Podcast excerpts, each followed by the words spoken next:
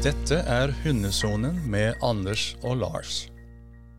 Velkommen til Hundesonen med Sett. Velkommen til deg, Lars. Takk skal du ha, Anders, og eh, velkommen til deg òg. Ja, Som vi avrunda forrige podkast med, nå har valpen eh, kommet hjem. Den er åtte uker gammel. Den første tida vil være viktig. Og du tenker hva i alle dager gjør jeg nå med et lite levende vesen? Helt klart. Og eh, for min del så Når jeg hatt hund eh, i 10-11-12 år for en valp, så er dette alltid veldig spennende. Og vi vet hvor viktig den tida med valpen er. På eh, Forsvarets hundeskole så har en jo en vertsfamiliesystem. Eh, vil du si litt om det, Lars? Ja, det stemmer det. Eh, De bruker jo nå forvertsfamilier, og eh, valpen vokser da opp i et skulle til si et møblert, men et normalt hjem for å få en eh, miljøtrening mest mulig eh, normalt likt et eh, vanlig hjem. Og det er jo hele formålet med å være forvertshjem, nemlig at valpen skal få vokse opp eh, i, i gode og trygge omgivelser. Og jeg vet at eh, ved Forsvarshundeskole så følger de ganske godt opp eh, disse forvertfamiliene. Men jeg husker sjøl når jeg kom hjem med, med, valp. Da tenkte jeg hva er det nå jeg har bitt meg ut på? Det, det var nesten, det var uten sammenligning for øvrig, men det var nesten så kom jeg hjem med en ny baby. Det er en baby. Den er fullstendig avhengig av oss. Eh, helt totalt. Og eh, grunnen til at jeg tar inn eh, vertsfamiliesystemet til Forsvarets hundeskole, er det at denne tida er viktig. Den er viktig for de neste årene. Og da, når du da sitter med dette nøstet som sitter og kikker på deg, og har overlatt all sin omsorg til deg Den er som sagt helt avhengig av oss, så vi kan jo gå inn på eh, hva er problemstillinga sånn fra eh, oppdrettersida, og så vet vi at eh, oppdretter får fortvilte telefonhenvendelser fra valpekjøpere. Valpen er veldig aktiv. Valpen eh, river sund ting. Valpen eh, lager mye lyd. Den slapper ikke av. Og vil den ikke om sove. natta. Ja, den vil ikke sove. Så eh, det er jo noen av de temaene vi skal innom. Hva tenker du? Hva er løsninga her, Lars? For det første så tenker jeg det at eh, når det gjelder valper, så er jo de de, de skal faktisk ha en del søvn. Men det går an å stimulere de, tenker jeg. Og så bruker jeg jo sjøl eh, bur. De første nettene har jeg ofte buret på eh, soverommet, og eh, etter det så eh, plasserer jeg og Det er fordi at valpen skal få kjenne både lukta mi og tryggheten og vite og høre at det er mennesker der. Men så vet jeg at det, det kommer en avvenningsmetode. Og det er uten sammenligning igjen, men det er nesten litt sånn som med barn. På et tidspunkt så må barna flytte inn på sitt eget rom. Fordi at du må få sove. Det er helt rett. Jeg deler dine tanker der. En valp trenger ufattelig mye søvn. Og en valp som ikke får den søvnen, den eh, kan risikere at, eh, at eh, blir en for aktiv hund, rett og slett. Så overstimulert? den-. Rett og slett overstimulert. Det med at hunden, når den er våken, får noe stimulering, får lov til å være med ut, får lov til å leke, får lov til å være valp. Den må få lov til å være valp. Den får lov til å gnage på ei grein, plukke en blomst, eh, utforske verden. Eh, Det er ikke farlig for valpen. Men eh, det er når den har fått vært stimulert og fått gått på do, hvis den har spist, den har fått vann, så kan det være lurt å starte denne burtilvenninga, tenker jeg. Ja, og uh, måten som jeg har gjort det på, det er jo at bur skal være et uh, veldig trygt sted. Det er hundens hjem, uh, og ingen andre skal inn i det buret. Og så er det litt sånn at når hunden er i buret, ja, da skal han få lov til å være i ro og fred. Det er akkurat det. Hunden vil eh, forbinde det hvis det brukes på riktig måte. Selvfølgelig, dette er ikke en straff for hunden, men der inne er det forbudt for barna, og det er forbudt for de som kommer og skal kikke på valpen. Når valpen sover, så kan de drikke kaffe. Valpen skal sove når den sover. Når den våkner, så kan den få lov til å komme ut og hilse på besøkene osv. Hun skal ikke dras ut av søvn og dras rundt på ting. Den skal få lov til å hvile, og buret skal være den trygge plassen. Men det er bare sånn at har du jobb og har du hund, så må han faktisk være i bur. Og jeg tenker eh, litt eh, eh, Du bør jo etter ha en burtilvenning først.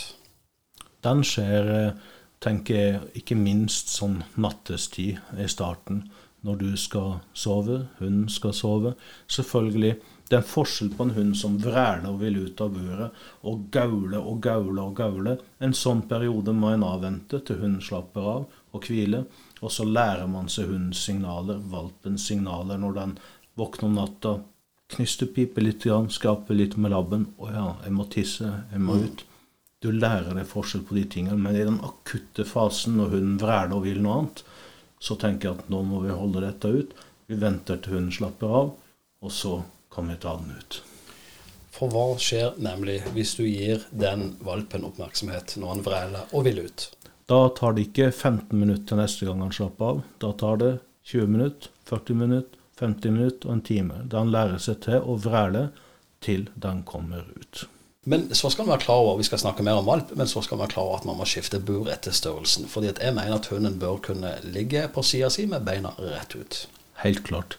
Buret skal være sånn at han kan strekke seg godt ut. Fra min bakgrunn i norske redningshunder så vet jeg at jeg må ut på leteaksjoner.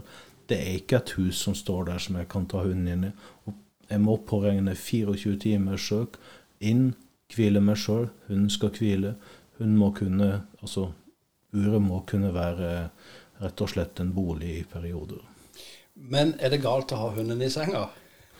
Hvis du har valgt å ha hunden i senga når den blir eh, voksen, og dette her fungerer, og dette liker du, men jeg vil allikevel tilbake til det du sa om tryggheten for hunden når vi forlater valpen. Han kan tygge over ledninger. Eh, jeg syns egentlig ikke det materielle er det viktigste. Men han kan tygge over ledninger, få strøm på seg. Det er masse andre ting som skjer hvis hun bare får lov til å holde på og romstere der. Så jeg ønsker den tryggheten for hunden. Men det er klart, hvis du vil ha hund, og dette er et valg du har gjort, og samboeren, ektefelle er enig, så, så kan han ligge i sofaen. Han kan ligge i senga også. Ja, og Når du da har bestemt deg for om du vil ha uh, hunden i sofaen eller ei, så er det jo viktig å være konsekvent. Det er klart, uh, da må en være konsekvent. Da har en gjort et valg. Det å være inkonsekvent, det skal vi komme tilbake til mange deler av, uh, av episodene våre. Det å være inkonsekvent er det som er det vanskeligste for hunden. Det er en ting jeg tenker noen ganger på, at en hund må også få lov til å være hund. Altså En tenåring i menneskeverden må få lov til å være litt tenåring òg. Og så er det noen grenser. Og noe av det som, som vi kan se, eller som vi ser bl.a., er jo litt småbiting. Det er småbiting. Han kan Én eh, ting der med å nappe i klær og andre ting, så kan det rett og slett være at du har en hund med stor grad av jaktlyst. Klærne blafrer i vinden, blafrer når du går, og det kan være gøy å en egen stimulering i det. Men eh, det er klart det finnes noen grenser for hva en kan eh, tolerere.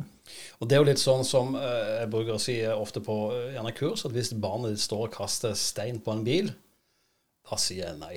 Ja. Og eh, grensen for min del, det går jo på det at jeg skal kunne ha besøk av andre i huset. Eh, det må ikke være sånn at vi jeg vil ikke komme på besøk til Anders eller Lars for den hunden der. Det er helt forferdelig. Så det må være noen minimumskrav. Jeg tenker litt, grann, eh, som du sier, at når det er en tenåring i hus, den gjør litt grann opprør.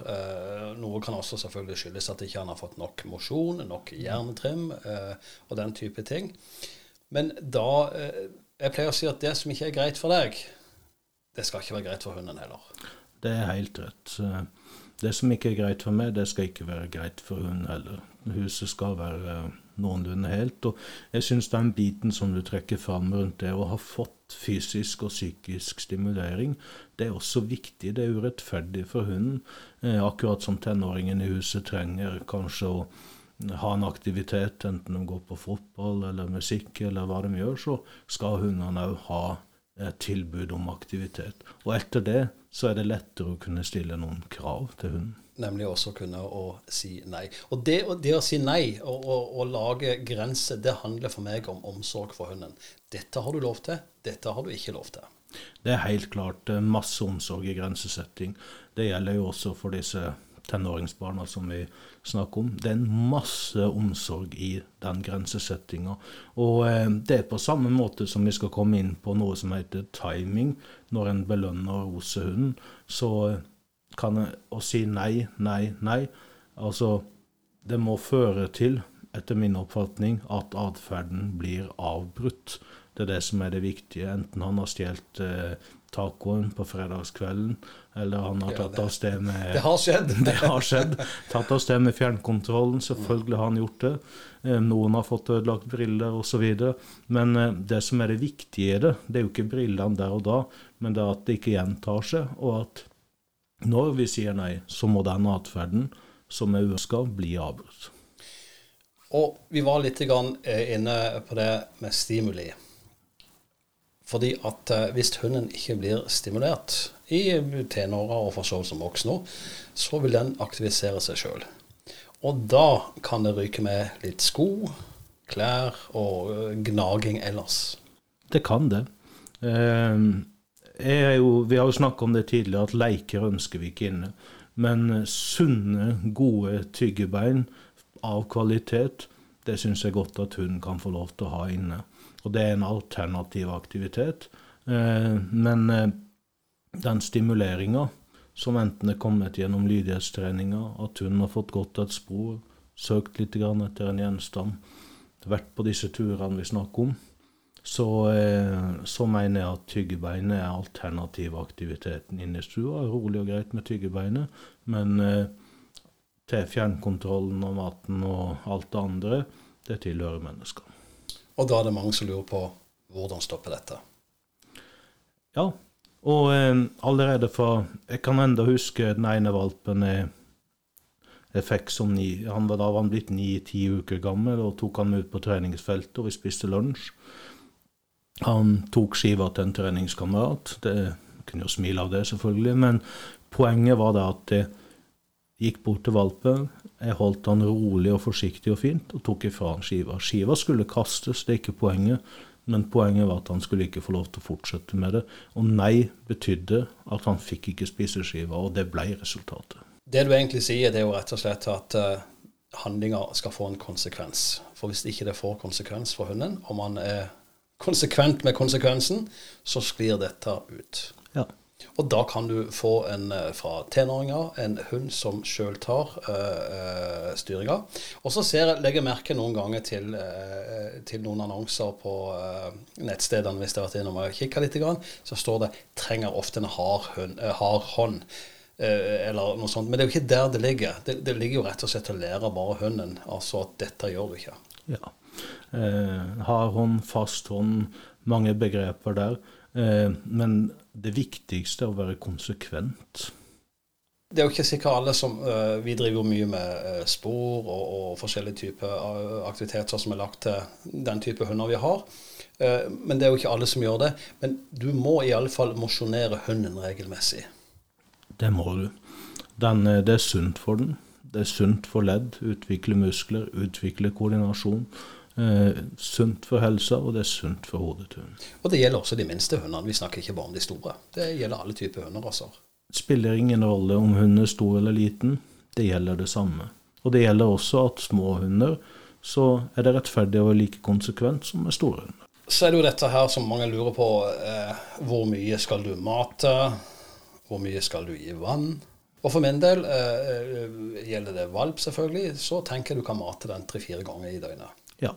Veldig ofte så har oppdrettere eh, med en beskrivelse av en nedtrappingsplan for å gå fra tre-fire måltider om dagen til eh, for min del at hun spiser to ganger om dagen resten av livet. Og da får han eh, morgen og kveld. Morgen og kveld. Og han får ikke vann om natta, det gjør ikke valpen heller. Jeg står ikke opp om natta og drikker masse vann. Eh, om natta sover vi. Eh, så i, i, buret på natta så er det ikke vann. Fordi at Hele poenget er jo egentlig å gi han tilgang hele dagen på friskt vann. Men det er klart at gir du da en unghund, valp, spesielt valp, da, drikke om natta, så skal han ut på do. Da skal han ut på do, og for en valp så kan det være gøy i seg sjøl å slåpse i vannskåla. Det er det for unger òg. Det er kjempegøy å slåpse en vanndam, og det vil det være for valpen. Sånn at natta er uten vann. Og når du da har øh, valpen i hus, eller trening, og det skal vi snakke litt mer om i neste episode òg, men, men jeg, jeg tenker at en trening med en valp kan begynne så tidlig som mulig. For min del så gikk det ei uke. Vi skal, vi skal ikke snakke veldig inngående om sporinnlæring, men min valp begynte å gå spor når han var ni uker. Og, og, ingenting er feil, men man stiller jo ikke krav, eh, spesielt til valp. Altså da, man stiller jo ikke krav til at dette skal du kunne etter hvert. Alt skal være gøy. Da er det kun gøy. Valpen har egentlig ikke noen anelse om hva den holder på med. Vi finner på gøye aktiviteter. Allerede da begynner vi med at han kan sitte. Det er ingen som helst krav. Det som vi gjør, vi begynner med å lage en ramme for hunden. Det vil si det som jeg har nevnt tidligere, at det å helt fritt springe rundt etter eh, vilt, helt fritt springe rundt i hundeparken og besøke alle andre hunder og alle andre mennesker, det syns jeg ikke er lurt. Eh, det er også til valpens trygghet.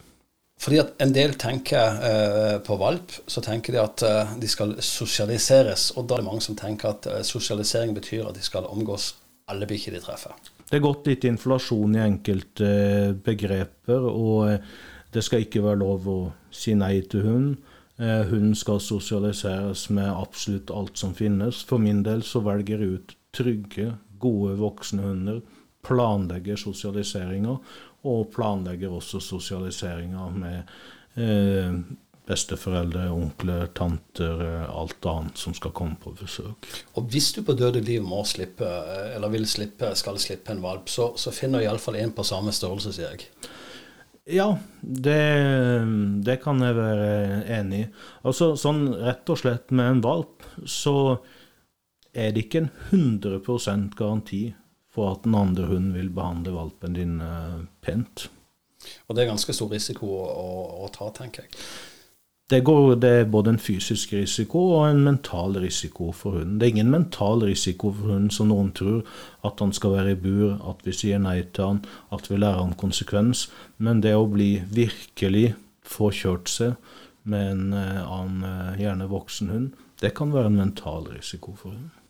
Ja, og på den måten så kan hunden pådra seg eh, mentale skader, som du sier. Og du risikerer, en hund som blir bitt av en stor hund, så risikerer du å få en aggressiv eh, hund som forsvarer seg i alle situasjoner.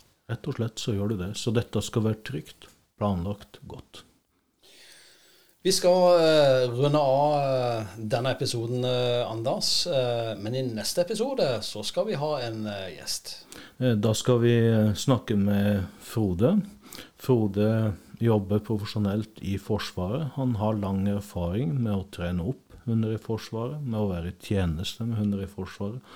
Og jeg syns det er veldig spennende å høre den vinklinga, sjøl om det ikke er det Alle skal ikke den veien, men det er kjempehyggelig å høre litt fra de profesjonelle. Og dersom eh, ja, du lurer litt på mer om hva vi driver på, hva vi driver på med, så kan du gå inn på vår uh, Facebook-side Hundesonen med Z, eller du kan uh, gå på vår nettside hundesonen.no. Og med det, Anders, så takker vi for oss i denne omgang. Ja. I like måte, Lars. Takk for nå.